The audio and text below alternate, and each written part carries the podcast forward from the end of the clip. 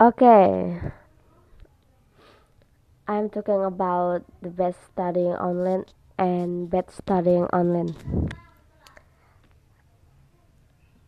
Uh, the best studying online, flexible and place time. Uh, because time and place are just where you are. It's be in the room, anywhere. It can be powered anywhere.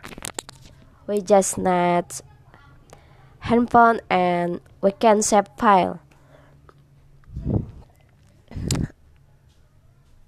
Next, I'm talking about bad studying online.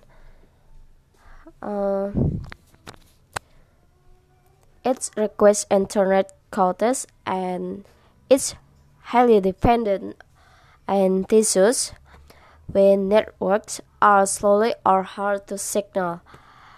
The learning process and lag behind which it's already cooperates and especially when rain and signal often lost.